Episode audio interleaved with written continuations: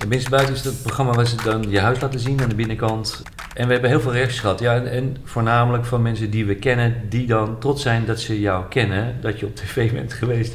Dat is eigenlijk wel het, het grappigste effect van alles. En het is, ja, het is wel grappig om dat te doen een keer. Ja. Dat is heel leuk. Ik vond het ook leuk om gewoon eens eh, bij een architect binnen te kijken. Hè? Je ziet natuurlijk altijd zijn werk, maar dan ook in één keer eh, zijn persoonlijke sfeer. Wat voor keuzes worden daar gemaakt? Ik vond het, eh, vond het ook een, ja, op zich een leuk item. Je hoorde Robert Winkel, architect en partner bij Mij Architects Planners uit Rotterdam. Mijn naam is Michiel van Rij, ik ben hoofdredacteur van ArchitectWeb en ben vandaag bij hem te gast in dat huis, wat dus bij Binnenste Buiten te zien was. We gaan het hebben over het ontwikkelen en ontwerpen van projecten. En voordat we daarover gaan praten met elkaar, eh, wil ik eh, AGC bedanken voor het mede mogelijk maken van deze podcast. In de loop van deze aflevering heb ik een kort gesprek met Marcel Kromzicht, projectadviseur bij AGC, over een nieuw product wat ze onlangs gelanceerd hebben. Robert, met jouw bureau heb je een enorme staat van dienst. Hier zitten we in de schiecentrale. We kijken uit over Jobsveem. Ik, onderweg hier naartoe kwam ik langs de lijnbaan die jullie gerenoveerd hebben. Aan de Koolsingel hebben jullie de mooiste McDonald's uh, van de wereld, uh, denk ik, gerealiseerd. Op Katendrecht is onlangs Phoenix 1 afgerond, waarmee jullie de Rotterdamse architectuurprijs gewonnen hebben. En nog gefeliciteerd daarmee. En dan heb ik het alleen nog maar over enkele projecten in Rotterdam die jullie gedaan hebben. Want jullie werken ook in Rijswijk, Gouda, Utrecht en ondertussen ook in het buitenland. Um, toch wil ik het daar niet over hebben. Uh, niet te veel in ieder geval, uh, deze aflevering. Want je bent een ander avontuur naast jouw ontwerppraktijk... en wat er wel aan vast zit natuurlijk, uh, begonnen. En dat is het ontwikkelen van projecten. Hoe, waar kwam dat vandaan? Welke frustratie had je die hier een antwoord op bood? Ja, er is zeker een frustratie erachter dat de telefoon niet ging op een gegeven moment... met mensen die opdrachten willen geven. Het was in de crisis dat het gebeurde en ja, er was gewoon geen werk. Uh, van de 20.000 architecten zijn er 10.000 uh, zo'n beetje overgebleven. Dus het is een enorme toestand was dat. En ik noem het ook niet ontwikkelen, ik noem het eigenlijk initiatief nemen. Uh, dat, dat vind ik ook prettiger. Wat het ontwikkelen betekent dat ik een ontwikkelaar ben, wellicht die dat allemaal per se zelf al moet doen. We doen het al niet, allemaal zelf, we doen veel in samenwerking, dat vinden we wel belangrijk. Alleen toen was er geen initiatief, dus we hebben zelf initiatief genomen. En, en dat begon met, uh, als ik het goed begrijp, het Kaaspakhuis in, in Gouda. Ja. Hoe kwam dat project, uh, of, ja, of eigenlijk dat gebouw, op jouw pad? Nou, vrienden van me, die White House Development, de, de, de ontwikkelingsmaatschappij hebben opgericht, die, uh, die zeiden van ja, er staan twee Kaaspakhuizen te koop in Gouda al heel lang. Het zijn rijksmonumenten, kunnen we daar wat mee? Toen ben ik bezig kijken, want er was, nou, er was niet, niet zoveel. En toen leek al heel snel nou, dat het een coöperatie in zat, die, die, die boeren, eigenlijk kaasboeren, die dan daar hun dingen opsloegen. En die daar weg wilden, want het was te oud. De technologie van het uh, rijpen van kaas was te oud. Daarvoor is het een rijksmonument. En ik zag direct al mogelijkheden voor het parkeren. Want als je daar appartementen wil maken, dan heb je natuurlijk een autovraag die, die je altijd slim moet oplossen. Die ik ondertussen nou ja, gewend was om mee te maken. Maar ook een, uh, een supermarkt die wilde uitbreiden. En de supermarkt betaalde relatief veel geld voor stukjes grond. Dus toen dacht ik al meteen, nou, dat is wel interessant wat te doen. En we hebben gewoon ervaring met monumenten. Uh, dat is wel interessant. En in de brochure van de makelaar stond ook nog het Jobsfame als voorbeeld. En toen zei iedereen van, ja, dan moet je wel naar de bron gaan. Uh, zullen het eens gaan proberen? Zo is het begonnen. Ja, en, en, was het een ingewikkelde opgave om, die, om dat vlot te trekken? Nou, bij bestaande gebouwen heb je altijd onverwachte verrassingen die soms aangenaam, maar meestal onaangenaam zijn. Als een fundering die verrot is, of uh, beestjes die in het hout zitten, uh, of sommige vervuilingen, of rechten die opeens naar boven komen, juridische aspecten. Dat is vervelend, maar ook wel weer leuk. Daar moet je slim mee omgaan. Dus het is heel flexibel, agile, dus je moet wendbaar zijn, veerkrachtig. En dat, dat zijn we, dus dat, dat is heel veel met die mannen, die vrienden ook goed te doen. Dus dat was wel heel fijn. En we hebben, een kantoor hadden we in de Kaaspakhuizen zelf. Dus als er bewoners in, in de buurt langskwamen of mensen die geïnteresseerd waren, gaven altijd een kaasje mee. En het is natuurlijk een imposant gebouw waar 1 miljoen kilo kaas op 40 kilometer kaasplanken lag te rijpen. In Gouda, het epicentrum van de kaas in de wereld zo'n beetje. Ja, dat is natuurlijk een fantastische plek. En aan jullie wel besteed, want daar hadden jullie met Jompsveem natuurlijk ook al ervaring mee om daar dan ook op slimme manier daglicht in te brengen, wat natuurlijk bij dat gekaasrijpen eh, niet zo'n rol speelde. Ja. En als je het hebt over dat initiatief, wat, wat was precies jouw rol om, dat, uh, om daar risicodragend in te gaan zitten? Kijk, het grappige van ontwikkeling is eigenlijk dat ik niet veel meer doe dan ik eigenlijk normaal als architect ook doe. Wij namen al redelijk veel verantwoordelijkheid in het ontwerp. Uh, als we een gegeven niet konden, gingen wij uitzoeken hoe het dan wel kon. Maar niet alleen uh, technisch uitzoeken, maar ook financieel uitzoeken. Met alle garanties en demarcaties erbij. Zover waren we eigenlijk al. Dus dat, dat was eigenlijk niet zo'n probleem. Ja, financiering, of dat is een beetje wat je vraagt, hoe, je, hoe ga je dat doen? Nou ja, ik heb toen, ik heb het ook verteld, uh, bij de uitreiking van een andere club een prijs. Vorig jaar hebben we de, de Development Award gewonnen van de ARC 18, als ik het mag zeggen. En um, daar vertelde ik ook dat ik het studiepotje van mijn dochter heb leeggeroofd, 10.000 euro, om mijzelf en elkaar te kunnen betalen. Dus we hebben wat geld in een potje gegooid en daaruit de eerste kosten betaald. Dat was eigenlijk heel erg intuïtief dat we het deden zonder een goed idee. Nu doen we het veel uh, onderbouwder. Ja. Uh, maar toen was het ja, wat geld in een potje doen en, en het verdelen onderling en maar kijken hoe we dat uh, konden, ja, vooruit konden gaan eigenlijk. En de verkoop van die appartementen, vond je dat dan nog spannend? Van hoe gaat dat dan vallen, dit project?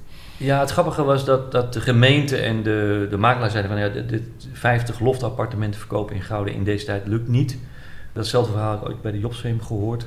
Uh, waarbij in twee weken het hele, nou, de, de loftappartementen in Jobsveem verkocht werden. En mensen uit verschillende steden daar uh, in Jobsveem gingen wonen. Hetzelfde gebeurde eigenlijk in Gouda. Dus mensen uit Maarsen, uh, Hoge Zand, Breda gingen verhuizen om in Gouda in die kaaspakhuis te kunnen wonen. Dat had niemand ooit nog meegemaakt. Maar er zijn mensen die op Funda zitten al twintig jaar te googelen, moet je je voorstellen, om in een houten zolder van een, van een pakhuis te gaan wonen. En dat is er gewoon niet. En je hebt er maar 50 van nodig, hè? dat is ook niet zo heel veel.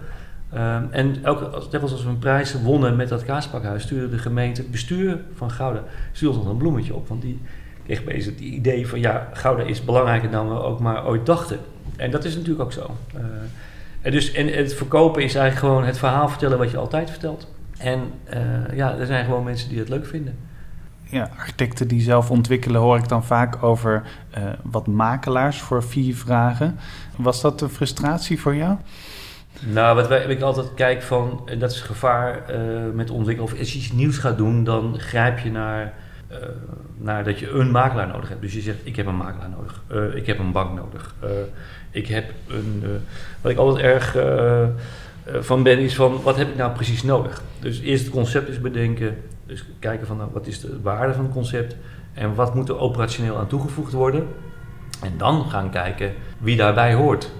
Het gevaar is als je het gaat doen, dus de, de, de, de poppetjes erbij gaat halen die je denkt die nodig zijn, dan krijg je dit soort frustraties. Maar als je die makelaar uitlegt van joh, ik heb alleen maar iemand die goed opvolgt en de contracten uh, controleert en nou, dat soort dingen doet. en Funda een belangrijk aspect is, dan, dan snapt hij het ook wel. dus het is niet, zo'n probleem. Alleen is, die misverstanden moet je van tevoren uit de weg gaan door eerst te benoemen wat is het idee daarachter, wat heb ik nodig en wat, welke taken, verantwoordelijkheden en bevoegdheden worden daarbij. En uiteindelijk smaakte dit project uh, naar meer, want ben je dit gaan herhalen. Wat voor projecten heb je daarna opgepakt? Ja, we kregen, het, was, in Gouda waren er best wel wat panden te kopen. Gouda was ook niet een, nou, een hele populaire stad toen, hè, dat is wel interessant. Dus de, en, ook een identiteitsprobleem had het in feite, wat nu allemaal omgedraaid is, uh, weliswaar. maar dat was wel heel interessant. Dus daar, we hebben een, een oud belastingkantoor gekocht en daar verticale villa's in gemaakt. We hebben een zwembad verbouwd tot zes appartementen rond dat lege zwembad met een gat in het dak. We hebben nog wat andere dingen gedaan. We zijn nu bezig met een gebiedsontwikkeling uh, op de bloklocatie in Gouda voor 600 woningen. En we zijn bezig met een kerk. Ze hebben ook een, die mannen hebben ook een, die vrienden hebben een kerk gekocht, de Gouden Kerk en Rijksmonument, waar nu een hotel in komt met een eetconcept, super gaaf ding. Dus in Gouda zijn we flink wat bezig geweest. En dat was ook de beperking. Op een gegeven moment was wel heel veel Gouda. En op een gegeven moment werd het ook een soort handel. Hè, dus een, een idee maken en dat verkopen. En daar ben ik niet zo geïnteresseerd in, die handel. Soms kan het handig zijn, maar dat is zonde van mijn tijd. Ik ben meer geïnteresseerd in iets bijzonders toevoegen in, het, in dat, nou ja, wat je al zei, in het portfolio wat we al hebben. En dat op een gegeven moment was ook de chemie afgelopen. We doen al dingen met elkaar hoor, maar de, als aandeelhouder in die club uh, ben ik eruit gestapt en weer verder gegaan. Ja. En als je het dan hebt over, hè, over al die projecten, ja, maak je die samenwerking natuurlijk effectiever en, en, en werk je verder uit. Hoe, hoe ziet die er op dit moment uit? Met de White House Development bijvoorbeeld? Ja. Nou ja, we, we, komen met zo'n kerk op ons af. Hè. Waarom doen ze dat? Hè? Omdat wij goed bij de gemeente ingevoerd zijn, goed bij de Monumentenclub en bij de ARC, hè, de, de, dat is de Monumentencommissie. Ze kennen ons. Maar ook omdat we expertise hebben. Ehm, en wat we wel doen is financiële afspraken maken. Bij zo'n kerk doen we dat niet, maar bij zo'n zo'n gebiedsontwikkeling maken we ook bij succes maken we een soort vier van bonus bouwen erin dat heb ik wel geleerd bij dat zelf ontwikkelen, initiatief nemen. Dat je ook kunt zeggen, nou luister eens, ik ga extra mijn best doen, maar we gaan wel een extra afspraak maken. Dan krijg je een vriendenprijs, of een, vrienden, een vriendelijke prijs, laten we het zo zeggen. En dat kan ik best niet zeggen, dat is gewoon het gewone tarief. Want dat is, dat is al een vriendelijk tarief, vind ik trouwens al. Want dat is wel zo, hè, dat is even goed om te weten dat de architectenvies zijn naar beneden gegaan in de crisis, maar die zijn nooit meer naar boven gegaan. Uh, dus we zitten eigenlijk onder ons tarief te werken. Dat is goed voor elke architect die dit hoort. Uh, ook opdrachtgevers, we zitten al onder ons tarief te werken. Het is nooit meer uh, omhoog gegaan. Dat is helemaal geen probleem hoor, dat moeten we zelf beslissen. Het is een vrije markt, maar daarna wil ik ook wel profiteren van het succes van een project. Want dat draag ik echt wel aan mee. Maar betekent dan dat je bij dit soort projecten daar uiteindelijk wel meer aan overhoudt als met jouw bureau en persoonlijk? Ja, je, je, hebt natuurlijk ook nog de tenders en de projecten die niet goed lopen, waar je, uh, dat je verkeerd hebt ingeschat. Dus uiteindelijk, uh, wij hebben niet zoveel winst, we hebben iets van 5% winst per jaar. En dat wil ik ook graag zo houden. We zijn geen winstgedreven bedrijf, we moeten een beetje winst hebben. Is 5 en 8% zo'n beetje. En dat vind ik netjes, meer hoef ik niet te hebben. Ja. Als we ook een managementgedreven bureau, dat wil ik niet. Ik wil een ontwerpgedreven bureau worden. Dat, dat zijn, dat, dat, zijn we ook. Ja, maar als ik het zo hoor, is het inderdaad ook... kun je dat ontwikkelen van die projecten helemaal niet loszien van jouw bureau. Het is eigenlijk een, een vlucht naar voren vanuit dat bureau. Exact. Ja. Nou, dat is een mooi woord voor wat heel... Uh, ketenintegratie heet dat. Uh, wij kunnen heel snel, omdat ik zelf ontwikkel en, en ook ontwerp, kunnen we heel snel beslissingen nemen. En dat gaat echt in split seconds, daardoor we eigenlijk een... Uh, een uh, omgevingsvergunningsaanvraag misschien wel in een paar weken kunnen doen van nul naar omgevingsvergunning. Dat is redelijk eenvoudig te doen. Ja, sommige architecten die dan zelf projecten oppakken uh, op die manier zeggen ook wel dat ze er betere ontwerpers van worden. Ervaar jij dat ook nog? Ja, nou, we waren al een hele goede ontwerper. We namen al heel veel verantwoordelijkheid. Hè. Dat is natuurlijk, dat, ik denk dat een beetje op doelen de architecten uh, waren al meedenkend uh, architect voor ons, zo noemen de opdrachtgevers ons wel eens vaak. Dus ja, dat, dat, ja, dat is dat geloof ik 100%. Ja, ja. ja.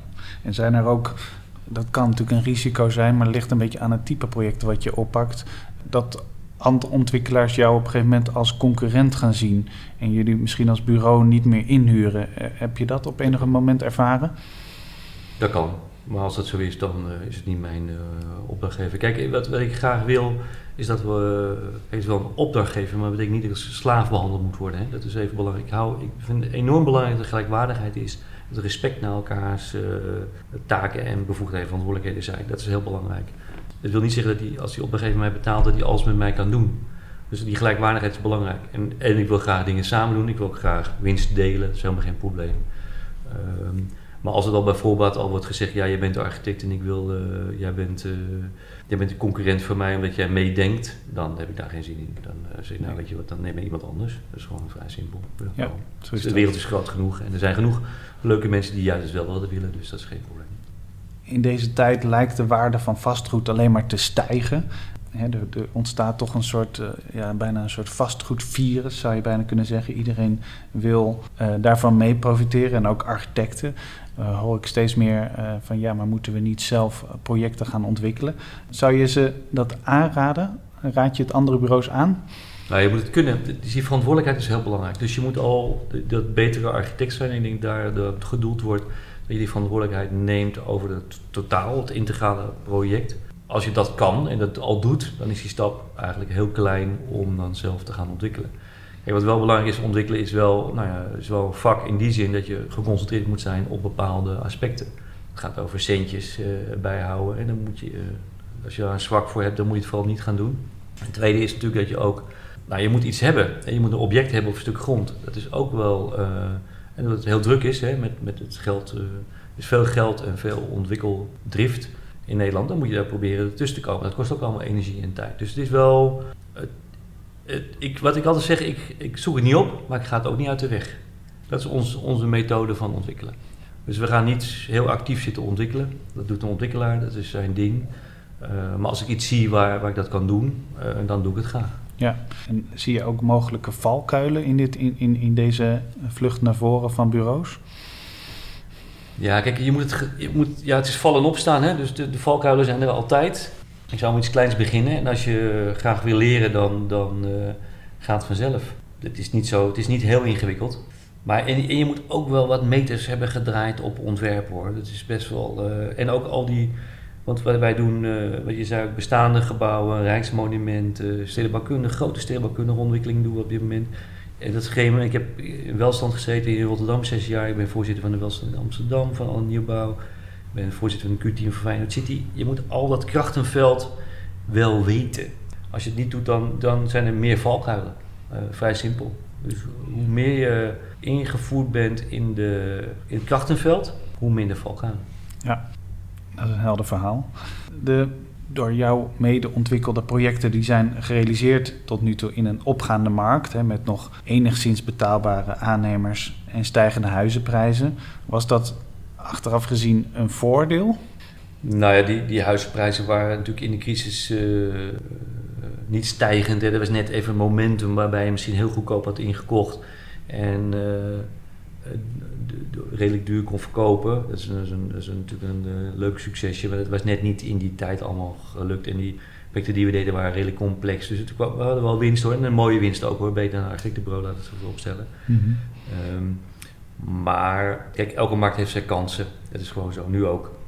We zijn nu met twee projecten bezig en één is een uh, houten gebouw in Rotterdam, uh, 50 meter hoog. Het gaat het, het, het eigenlijk heel belangrijk je moet zien als constant, elk gebouw is een niche-markt. Een, er wordt gezegd prototype, maar het is ook een niche-markt. Je hebt maar 50 tot 100 of soms 200 mensen nodig die zo'n gebouw leuk moeten vinden. Wat heel veel ontwikkelaars doen, uh, niet allemaal, maar heel veel, is het grijs maken. Het redelijk grijs, dat het, uh, nou, iedereen het leuk zal kunnen vinden. En dan verkoop je het sneller, denken ze. Ik ben het niet van mening, ik ben dat, dat vind ik niet. Hoe, hoe uitgesproken een gebouw, hoe eerder je het verkoopt en ik heb ook nog 5 tot 10 procent meer vragen. Dat heb ik ervaren met kaaspakhuizen. Ook met de Phoenix, dat ik niet zelf heb ontwikkeld, hoor, maar dat heeft hij ons gedaan. Maar dan zie je dat. Ten tweede, mijn uitgesproken gebouw, als er crisis komt, dan willen mensen altijd nog wel in een uitgesproken gebouw uh, wonen. Die, die, zoeken daar hun leven lang al naar. Dat zijn die mensen die al 20 jaar vinden dat zoeken. Uh, maar die grijze uh, gebouwen zeggen, nou, ik wacht nog, ik hou mijn hand nog even op portemonnee.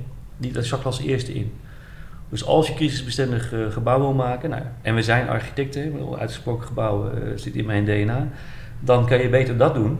Uh, en kijken of je dat, als het wat duurder is, die 5 tot 10 procent meer vragen om dat te doen. Dus, dus uitgesprokene, en dan is het misschien wel duurder, maar mensen betalen ook iets meer voor. Dus, ja. En we gaan ook nog zelfs hout maken, dat is ook nog 10 tot 15 procent duurder. Dus dat, ja, dat valt wel over te praten. Maar wat we ook zeggen als ontwikkelaar is heel belangrijk. Wij ontwikkelen niet voor het ontwikkelen. Wij ontwikkelen niet voor winstmaximalisatie. Dat is een heel belangrijk uitgangspunt. Wij ontwikkelen vanuit shared value. Uh, dat houdt in dat we kijken wat is de biodiversiteit. We willen toevoegen in de biodiversiteit. We willen toevoegen CO2-uitstoot uh, minder maken. We willen shared economy willen erin brengen. Dat willen we allemaal doen. Dat zijn de uitgangspunten. Als het dan het project niet haalbaar is, dan doen we het niet. Dat is simpel. Uh, haalbaar is een paar procent winst. Gaat wel over grote getallen, dus je krijgt meer geld binnen. Dat is vrij simpel. Maar als het niet zo is, dan doen we het niet. Nee. Um, en dat is wel een verschil met, uh, met heel veel ontwikkelaars. Want die hebben natuurlijk aandeelhouders die willen rendement hebben. Dat heb ik allemaal niet. Dus wij kunnen kijken van, nou, is het, is het die shared value, is het een interessant project in ons portfolio? Dan willen we dat toevoegen, willen we tijd aan besteden. En dan doen we het. En als niet, nou, dan doen we het niet. En dan misschien aardig om dan even in te zoomen op het spaardersbad. Want dat vind ik wel een heel goed voorbeeld van een object, een, een, klein zwembad. Waarvan ik denk een, ja, ook een reguliere ontwikkelaar bij God niet weet wat hij ermee aan moet. Die zou het slopen, uh, nieuwbouw, waardoor er heel veel verloren gaat natuurlijk. En jullie hebben daar eigenlijk door met een architectenbril te kijken naar echte potentie, te denken vanuit die niches, heb je eigenlijk iets heel bijzonders gedaan. Kun je uh, kort omschrijven van hoe, hoe dat project in elkaar zit?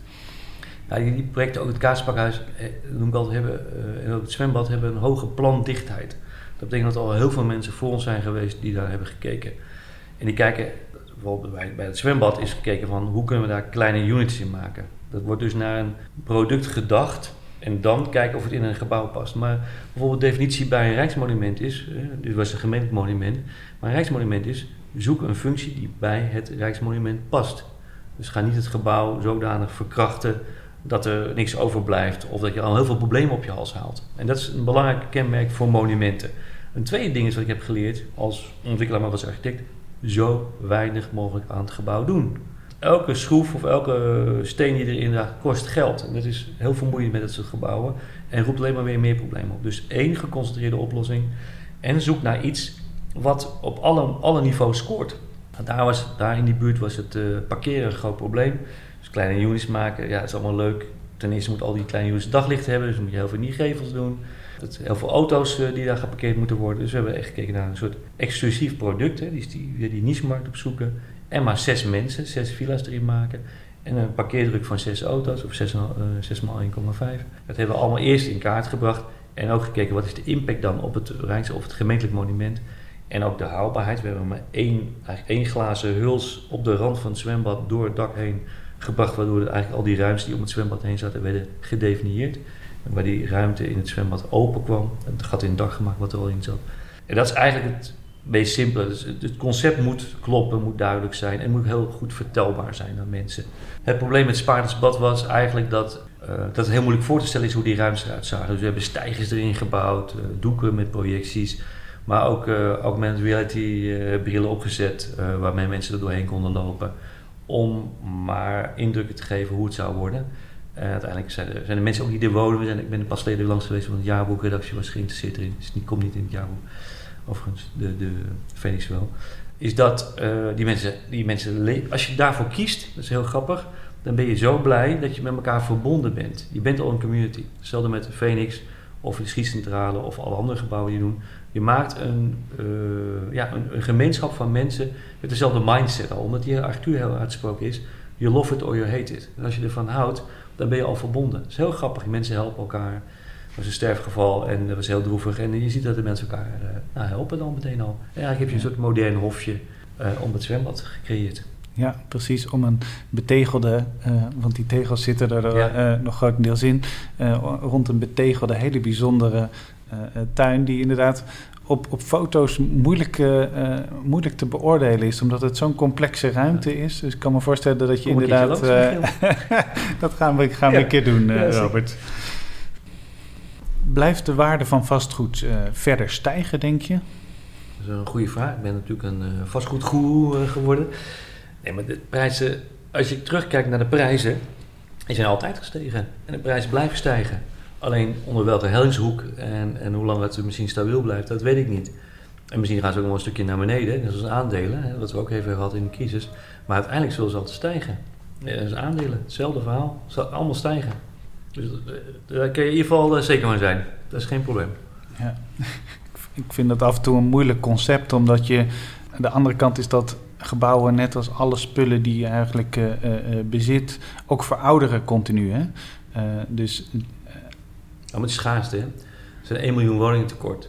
Dus die druk is zo groot dat, het, dat de prijzen zullen stijgen. De vraag is even wel, en dat is een belangrijk ding met de verkoop, daar steeds rekening mee houden. Het is allemaal niet, het is geen rocket science, maar je moet er wel goed over nadenken. Is wat kan iemand nog betalen? En dat is heel belangrijk. Daarom is het heel belangrijk, daarom worden die kleine units overal gemaakt. Van Amsterdam dan 2,5 ton en hier uh, misschien in landen iets goedkoper. Omdat het betaalbaar is. Hè. De hypothekenverstrekkers zijn moeilijker geworden. Starters krijgen moeilijker een hypotheek. Dus dan maak je die markt kleiner. En beleggers natuurlijk, hè, want die, die denken ook in die markt. 50% van alle mensen in de Randstad woont alleen. Ja, een kleine ruimte maken dan, dat is ideaal.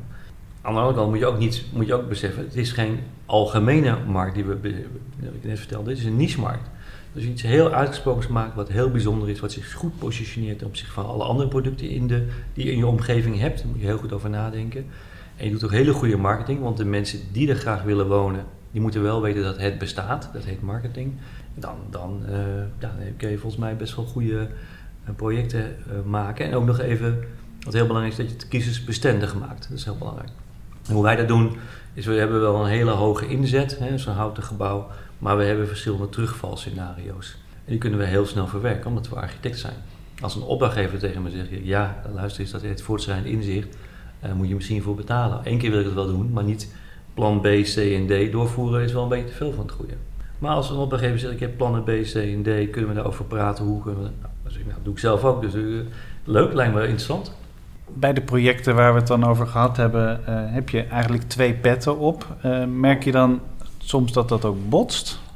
Nee, niet echt. Ik, ik moet wel op bureau heel vaak, of heel vaak, ik, om geen misverstanden te maken en de rollen goed te spelen, zeg ik nou, ik, als ontwikkelaar zeg ik dit, als opdrachtgever zeg ik dat. Als architect vind ik dit.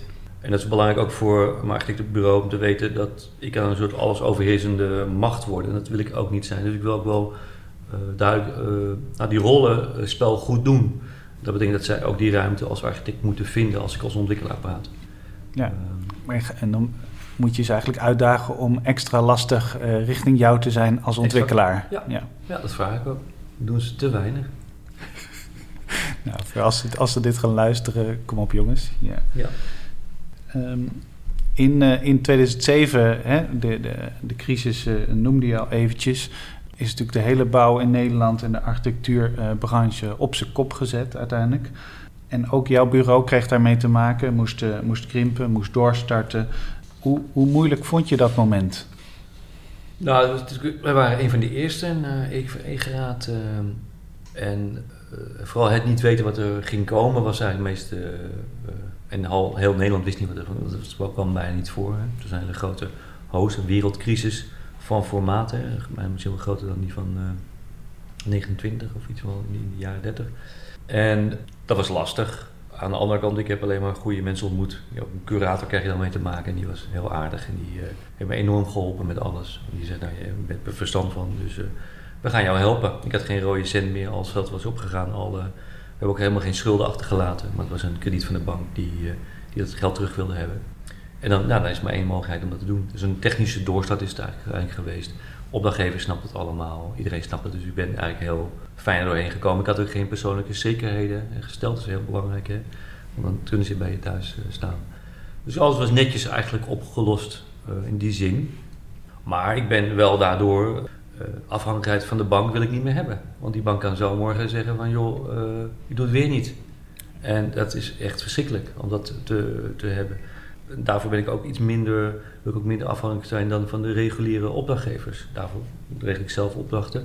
Maar ik wil ook minder afhankelijk zijn van de varkenscyclus die Nederland heeft. Uh, dus de blokcurve. In, in het buitenland, in Duitsland, Rusland en Frankrijk, hebben ze meer een, een, een sinusoïde curve die minder heftig is, uh, dus minder abrupt is. Dat, dus daar heb ik wel van geleerd om bepaalde dingen te, ver, te, te veranderen. Uh, wat ik ook heb geleerd is dat ik binnen enkele maanden kan ik van 35 mensen die bij ons werken, kan ik terug naar 15 mensen. Dat heb ik ook geleerd, want dat is, was binnen een maand ging de onze omzet van 3 miljoen opeens terug naar 1 miljoen en die bleef op 7 ton zitten. Nou, daar, daar kan je niet tegen wapenen, dat is best wel ingewikkeld. Maar je kan wel nadenken van als het nou weer gebeurt, hoe ga ik daarmee om? Uh, dat, dat kunnen we redelijk mee, goed mee omgaan nu. Ja. Uh, we zien wapens wel tegen iets wat nooit meer gaat voorkomen, maar uh, ik vind het wel belangrijk om dat te hebben. Ja. geeft wel zekerheid voor mezelf. Precies. Vertrouwen. En het heeft ook, in, als ik het zo hoor, toch wel wat veranderd in jouw mindset. Hè? toch de, de wil om onafhankelijker te opereren. Ja. En, en als je het hebt over die blok versus sinusoïde, um, hoe, hoe, hoe kun je daar tegen wapenen? is dat door... Nou, je risico te, te spreiden, hè? dus buitenland uh, dingen doen. Phoenix is een heel bijzonder gebouw, een bestaande loods, 140 meter lang, 40 meter diep, een stalen tafel van 1 miljoen kilo is door op, op geplaatst. En op die tafel zijn weer betonnen woningen geplaatst van 212 uh, uh, appartementen die mensen zelf konden inrichten. Nou, kan je dat nu bouwen hè, voor, dit, voor, voor dat geld in de crisis? Nee, niet. Uh, dan heb je bijna al, en wil iemand dat in Nederland hebben? Nou, ik denk dat niemand het wil hebben op dit moment. Heijmans heeft ook best wel uh, problemen mee gehad. Ik denk dat bewoners het wel willen trouwens, hè, consumenten. maar daar wordt weinig naar gekeken. Um, maar in het buitenland wil men dat wel hebben. Dus je markt moet je dan vergroten. Voor zo'n exotisch product moet je je markt vergroten. En we zijn goed ook met bestaande gebouwen in het buitenland iets moeizamer mee omgaan. Dus grappig, we geven ook regelmatig workshops hoe we in Nederland afgelopen 30 jaar met cultuurhistorische verkenningen en waardestellingen omgaan dat niet alle waardes even belangrijk zijn in bestaande gebouwen. Buitenland, en mag ik best wel zeggen in het algemeen, ook in België, wordt heel vaak gezegd, nou het is of een monument en we moeten het terugrestaureren zoals het was, of we moeten het afbreken. Maar ertussenin bestaat niks. En dat, daar komen wij dan, de Nederlandse poldermodel-idee, om in ieder geval gesprek te voeren over nou, hoe je daarmee om kan gaan. En dat is wel interessant. Dat is ook een exportproduct naar het buitenland, hè? even vrij simpel gezegd. En uh, het, het, verhaal van zelfbeschikking, wat je zegt, die onafhankelijkheid, zelfbeschikking zit ook in onze gebouwen heel veel. Hè? Dus dat betekent dat je, we maken gebouwen heel vaak die open structuren hebben. open building het nu uh, heel eigen tijd. Uh, maar dat je eigen, je, eigen huis, je eigen woning kan zelf beschikken. Dus de zelfbeschikking die ik zelf belangrijk vind, daar zoek ik ook mensen om me heen, blijkbaar, hè, bizar genoeg, die dat ook willen en die dat ook in een gebouw aantrekken. Dat zijn meestal redelijk zelfbewuste, ondernemende mensen. En dat is wel leuk, want daar maken we ook gebouwen weer voor. En dat laat ik ook in het buitenland zien, dat het ook heel belangrijk is, ook als je circulaire economie wil, uh, voorstaat, mm. dat je de overdragenstructie die een andere doorlooptijd heeft dan de gevel, dan de installatie en de afbouw, dat je die flexibel maakt voor de aankomende 200, 300 jaar.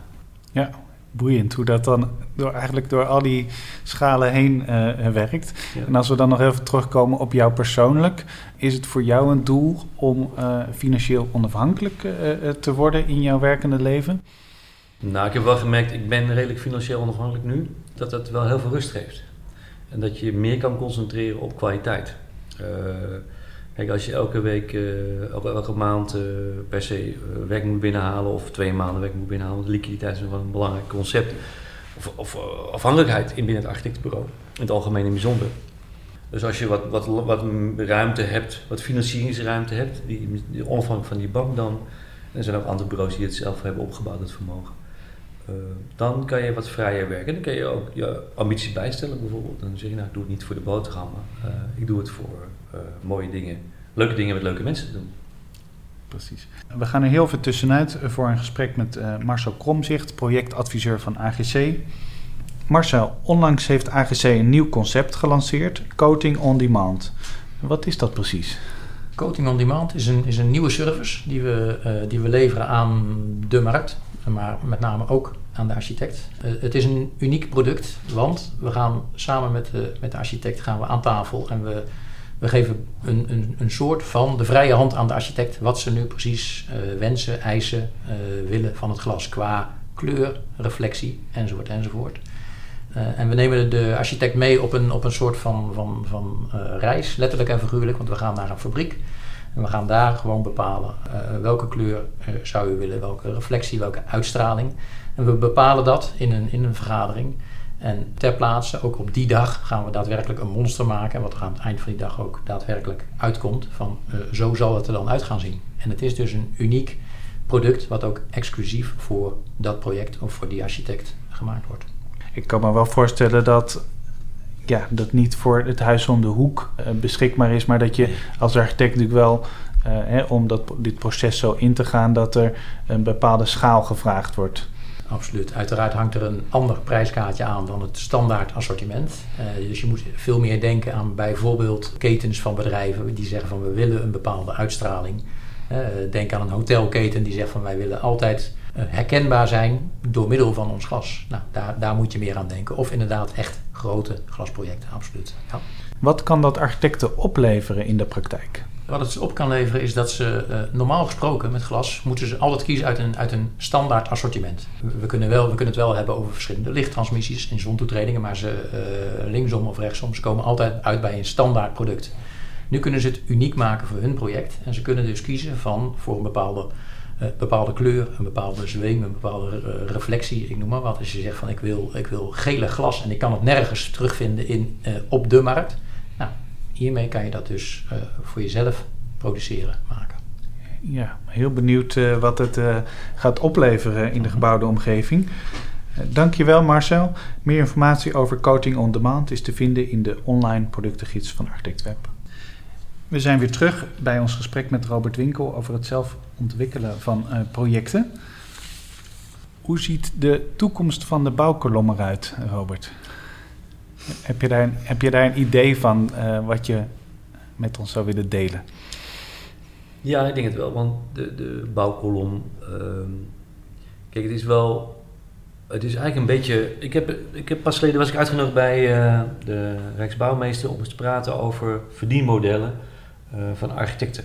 Um, en er was een hoogleraar bij, zijn naam even niet meer goed, van de VU dacht ik. En die, uh, die vertelde, ja kijk, wat er heel vaak gebeurt is de-skilling. En, en ik heb ooit een keer gelezen dat van de, de 100% beroepen van een eeuw ervoor, maar 5% van die beroepen doorgaan in de volgende eeuw. En die skilling is dat heel veel mensen het zelf kunnen. Het is het effect wat de Apple Computer heeft gehad op grafische ontwerpers in de jaren 80. Uh, je moet naar een grafisch ontwerper voor, een kaartje te laten maken en een briefpapier. Dat deed je allemaal zelf. Tegenwoordig huisartsen zitten in een probleem. Als je langskomt, dan heb jij op Google weet je al wat je hebt. En die huisarts mag dan even zeggen van dit en dat en zo. Dat heet die skilling. Dat is enorm aan de gang. Dat wordt bijna niet gezegd, maar architecten hebben er ook last van en ontwikkelaars en aannemers. Iedereen heeft er last van. Of last van, zit daar, zit daar onder gebukt, laat ik het zo zeggen. Het is gewoon een zwaartekracht wat er, wat er heerst. En daar moet je slim mee omgaan. En ik denk dat integratie uh, van die verschillende uh, dingen voor de hand ligt. Dus dat de architect ontwikkelaar gaat integreren is eigenlijk heel logisch. En dat zie je ook bij productontwerpers of bij industrieel ontwerpers. Hè. Hoeveel independent industrieel ontwerpers zijn er en hoeveel werken er bij Prodent of bij Philips of bij bepaalde merken? En dat kan natuurlijk, uh, Philips ontstaan vanuit een idee, hè, vanuit een lamp of ik zeg maar even, eh, volgens mij was dat het idee. En van daaruit is dat verder gaan rollen. Uh, maar het kan ook ontstaan vanuit een macht. Hè. Dus dat zegt ook een grote bouwer zegt, joh, ik wil dat allemaal, nou, die kan het ook integreren. Je kan architecten integreren. Dus het kan vanuit een concept, een idee komen of vanuit een macht of een positie die er is ik denk dat dat allemaal bij elkaar gaat komen. Er zullen een paar independents blijven. Misschien zijn er wel de star architects, hè, de Hadid-achtigen, uh, uh, die, of het Maron, die dat misschien blijven. Maar ja, dan moet je ook wel vragen of de volgende generaties die star kunnen dragen. Hè. Dat is altijd wel even de vraag. Uh, maar die zullen altijd wel blijven, de independents. En die heb je met bandjes ook, hè. De, de, de cover mm. bands, je hebt de, de grote U2's of dat soort clubs. En zo moet je het een beetje gaan zien eigenlijk. En dat, ik denk wel goed is om jezelf als architect te vragen, waar hoor ik toe? En hoe kan ik mij en de maatschappij, de samenleving, dat het belangrijkste is, mezelf en de samenleving verder brengen daarin? En wat is dan de beste rol daarin? Ja, nou, ik vind het wel spannend om dan te horen dat je inderdaad denkt van uh, ook de integratie van architecten en bouwers, dat dat eigenlijk uh, niet eens zo heel gek is. Je ziet het sporadisch gebeuren nu nog, maar en het is in zekere zin misschien wel bij de BNA vloeken in de kerk. Maar daar valt wel wat voor te zeggen. Ik heb het zelf meegemaakt met de schietcentrale hier. Basics was toen de aannemer. En die had een architect in dienst en die was strenger dan ik. Dus nou ja, uh, heel simpel. Dat is heel fijn eigenlijk. Dus laten we alsjeblieft uh, meer overal gaan zitten. Ook bij die Q-teams en wel andere dingen meer. Want zo kunnen we alleen maar uh, meer die kwaliteit borgen. Ja, exact. Ja, dan is er wel iets het, het, zelfbeeld van de architecten moeten we dan wel wat aan sleutelen. Hè? Want de soort van de onafhankelijke uh, creatieve professional is dan, ja, dat onafhankelijke, dat is natuurlijk ook heel relatief. dat is er niet. Dat is nee. iets in het hoofd, zit dat. En dat is, dat is het grootste probleem met de architect van nu. Dat het in het hoofd zit. Dat ze denken dat ze onafhankelijk zijn en creatief zijn. En meestal komt er niet heel veel goeds uit en zijn ze ook niet onafhankelijk. Ik denk dat wel de grootste vraag is die uh, misschien de BA moet stellen aan onze leden of aan de architecten in het algemeen. Wat is dat? Wat betekent die onafhankelijkheid en wat betekent dat creatieve? En als je het echt uh, tot de laatste millimeter wil zijn, dan moet je uh, een, anders te werk gaan dan nu. Als we het hebben over het bouwen zelf, zijn er ook wel een aantal ontwikkelingen. Je noemde net al het open bouwen. En ook dat jullie een project in hout willen realiseren. Is dat bouwen in hout uh, ik hoor daar vanuit verschillende kanten nog wel heel veel sceptisch over. Uh, is dat iets waar je in gelooft, dat dat een grote vlucht gaat nemen? Nou, weet je, de grap is dat het gaat, gaat over nieuwe generaties. Mijn dochter is 16 en die is uh, vegetariër of veganistisch in de zin dat ze zich doen niet voor de dieren, maar voor het milieu, voor de, de omgeving. En dan heeft ze een werkstuk gemaakt over Vivian Westwood en dan zie je hoe die omgaat met, met de, de samenleving. En ik denk, nou, daar kunnen wij heel veel van leren. En, en wat er nu aan de hand is, dat de jongere generatie, die, die na 2000 zijn geboren, die noemen, noemen ons, jij ook uh, Michiel, generatie boomers. Die de wereld hebben verpest. Wij hebben oneindig hebben we dit allemaal uh, zitten te verklooien.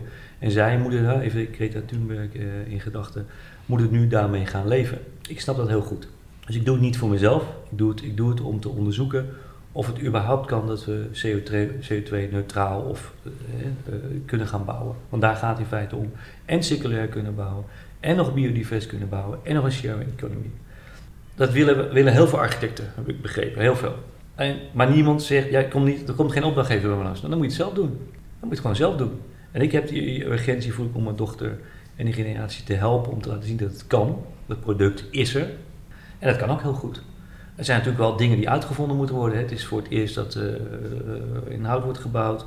Hoe ga je biodiversiteit met plantjes en deetjes, hoe ga je dat beheren? Dat is natuurlijk al een vraag. Maar ook die sharing economy, wie wordt dan de eigenaar en wat gaat er gebeuren? Maar er zijn heel veel producten al in ontwikkeling. Het is ook geen rocket science. Uh, en hout, het zijn een paar vragen die altijd naar boven komen, is trilling, uh, geluid en uh, brand. En vooral hoger dan 30 meter krijg je een brandweertijd van 120 minuten. En dat is best wel ingewikkeld. En daardoor krijg je hybride gebouwen, hè, waarbij er misschien 5% beton en 5% hout in zit.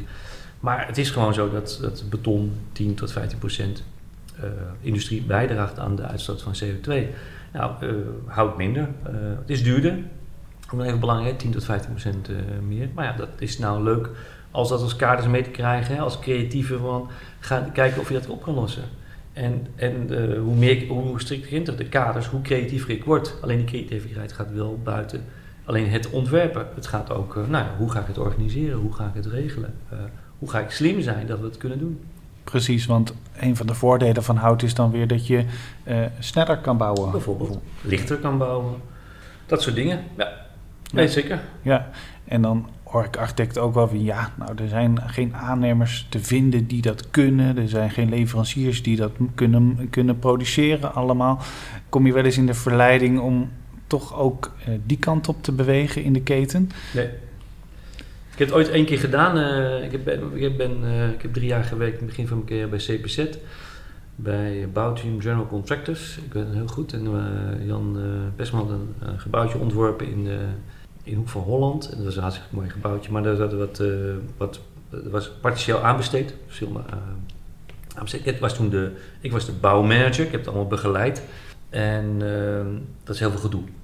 Je moet, je moet het leuk vinden, laat ik het zo zeggen. maar dat is, dat is, dat, dat, dat is niet proportioneel aan het lol van het ontwerpen en een gebouw uiteindelijk klaar zien worden dat is heel veel gedoe over een sleutelgat en over een lekkagetje hier en uh, gedoe over de een wel en de ander niet en dat soort dingen meer. Dat is, dat is niet aan mij besteed. Nee. Er zijn mensen die het wel kunnen en die het heel leuk vinden. Daar moet je vooral dat gaan uh, uitzoeken en daarmee aan de werk gaan, maar dat is niet mijn ding. Uh, ik ken die risico's, dat is heel belangrijk. Dus ik kan met de aannemer daarover praten. Ik heb heel veel respect voor een aannemer als hij het allemaal oplost. Maar laat die aannemer dat doen alsjeblieft en niet ik. nee. Dat is duidelijk. Precies. Ten slotte, en dat valt een beetje buiten het thema van deze podcast, um, ben ik wel nieuwsgierig naar wat je in het buitenland uh, uh, aan het doen bent, uh, in Rusland en Frankrijk. Wat voor projecten werk je daaraan momenteel? Kijk, Rusland is een interessant aspect. even, even goed Rusland. En als ik Rusland zeg, dan heeft iedereen een beeldje zo van, van koele, koude Russen en een koud land en, en Poetin-verhaal als een halve dictator. Dat, er leven 145 miljoen mensen. En die oligarchen in Poetin zijn maar een klein deel daarvan, eigenlijk een heel klein deel. Verder zijn er heel veel gewone, leuke mensen die meer een Italiaanse, Zuid-Europese inborst hebben dan een, uh, uh, nou, laten we zeggen, een Noordpoolachtige uh, karakter. Dat is wel heel belangrijk voor mij, dat het leuke mensen zijn en dat, en dat, ze ook nog vooruit willen. Dat is ook belangrijk. Ze willen vooruit, ze willen kennis hebben. Wat ook nou in Rusland lange tijd aan de gang was, het, het Sovjet-uniteit was eigenlijk, en dat hadden wij ook, het vooruitgangsdenken, was geschiedenis niet belangrijk. De geschiedenis pas met die Geert Mak in de jaren negentig was interessant geworden. Uh, die kanon hadden we, hadden we niet, uh, kanon hadden we niet daarvoor. Uh, dus het is allemaal, het is aan het veranderen. Dus hoe minder vooruitgangsdenken, hoe meer we terugkijken. Heel typisch is dat. We gaan in golfbewegingen. Nou, dat is eigenlijk, die Sovjet-Unie is eigenlijk toch wel een lange tijd geleden, 20 jaar geleden, gestopt maar men is doorgegaan in de bouwtechniek van uh, slopen en omhoog trekken en nieuwe gebouwen maken. Dat is een soort Dus ook in Nederland is een soort industrie die heel moeilijk valt te stoppen. Gewoon uh, aangaan en dan gaat het jaren door. Nu hebben ze, nou, ze worden trots op hun eigen geschiedenis. Dat heet nation, kan je uitleggen als nationalisme, maar er staat heel veel geschiedenis. En er komt ook nog bij dat er heel veel uh, lage lonen landen, zoals China en, en Vietnam, Cambodja, hebben heel veel industrie overgenomen daar. En dat was allemaal maakindustrie. Textielindustrie, school, staalindustrie, uh, porselein, uh, aardewerk, dat soort dingen meer. Er staat daar voor 17.000 hectare rondom Moskou aan fabrieken leeg. Waanzinnig mooie fabrieken. Met een dikte van muren van 1 meter. Ik weet niet eens dat, dat het bestaat. Met ramen van 6 bij 2,5 meter. Dat zijn de verdiepingshoogte dus bijna 7 meter. Ongelooflijk. Ja, ja. Daar, daar, daar, krijg je ook van die handen. En dat is, dat is, dat is super gaaf. En ze beginnen nu pas dat, eigenlijk dat, dat, dat die diamanten die liggen, die ongepolijste diamanten, te beseffen dat het wat is, dat ze wat mee kunnen doen. Ik altijd vertel, is dat er een gebouw bestaat uit die vier onderdelen zijn hoofddraagstructie, gevel, installatie en afbouw. die hebben allemaal ongeveer dezelfde prijscomponent. Allemaal een kwart van de bouwsom gaat aan die dingen op. Als ik een hele mooie gevel heb en ik heb een hele mooie hoofddraagstructie, dan ben ik de helft van het geld, in principe, hoef ik niet te investeren. Ik zal wel een klein beetje, maar niet het totale geld. Dus ik heb alleen maar installatie en afbouw nog nodig. Dat leg ik ook wel daar uit. En dan denk ik, oh, dat is interessant, daar kan ik misschien iets mee doen. Dan heb je natuurlijk wel dat een fabriek een andere layout heeft dan een woning. Over daglicht gehad of over toegankelijkheid of dat soort dingen meer. Dat, dat zijn interessante ontwerpaspecten die dan uh, naar voren komen. Maar die, die exporteren we naar Rusland op dit moment. En daar, daar heb je ook mensen voor nodig in Rusland zelf. We doen heel veel met agenten, in Frankrijk ook die kennen ons portfolio. Ons portfolio is heel specifiek. Is een hele specifieke vraag die er is. Want de nieuwbouw in Rusland is niet, niet zo leuk hoor. Gewoon een stak omhoog en een geveltje omheen. Heel grafisch werken. En dat, nou, dat zijn we niet goed in. Dat willen we ook niet. Net zoals rijtjeshuizen zijn we niet goed in. Complexe problemen. Maar die complexe problemen kunnen we ook inacteren. Vertrouwen ons in. We zijn ook heel pragmatisch. Nou, uh, als het gebouw een beetje scheef staat, we scheuren in staan. Dan zeggen we nou, er zit hier een, een funderingsprobleem. Of we gaan een lintvoegmeting uh, gaan we doen. Maar de dingen doen we ook heel erg. Dus, dus mensen helpen om te kijken van hoe kan je van iets maken. Dat doen we nu in Nara voor Minsk. Dat ligt 70 kilometer ten zuidwesten van Moskou. En zijn we een hele grote zijdefabriek bezig, 50.000 vierkante meter, met die muren van een meter dik. Uh, om dat te transformeren. Nou, dat is best wel ingewikkeld, want Moskou zelf, daar, daar is best wel veel geld en rijkdom en oneindigheid. Maar die fabrieken zijn allemaal al uh, verbouwd. Dit ligt net erbuiten, dat is minder geld, minder bestedingsvermogen ook minder vraag. Terwijl die fabrieken heel groot zijn. Hoe ga je dat faceren? Hoe ga je het betaalbaar maken? Uh, dat soort dingen is natuurlijk de hele interessante vraag daar. Dat is een andere kader dan, uh, nou, gaan we lekker iets ontwerpen. En ook aanpassingen maken gebouwen, iets erop zetten. Hoe ga je dat doen? Uh, nou, daar zijn we nu mee bezig. Het gaat, het gaat in maart beginnen, na een lange start. En we zijn met een ander project, waar ik nog niet zo over kan zeggen, ook bezig in, de buurt van Moskou. dat begint nu een beetje vruchten af te werpen. Spannend hoor. Ja. agenten hebben we daar en die, uh, die doen ons, de werk voor ons dan. Uh, en in Frankrijk hetzelfde. We hebben ook een agent. Maar ook, we nodigen mensen heel vaak uit. We doen tours heel veel. Uh, en ik kan redelijk Frans praten.